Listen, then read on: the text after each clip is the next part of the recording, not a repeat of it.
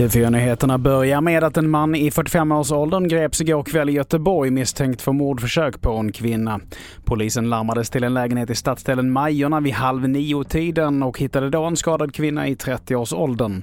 Kvinnan var vaken när polisen kom och fördes till sjukhus med ambulans och mannen kunde gripas på plats.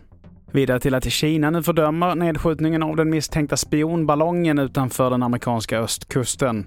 Landets utrikesdepartement beskriver händelsen som en uppenbar överreaktion och ett brott mot internationell praxis. Enligt Kina handlar det om en civil obemannad farkost, men amerikanska myndigheter går ut med en varning till allmänheten om att plocka upp eventuella vrakdelar då de är en del av en federal utredning.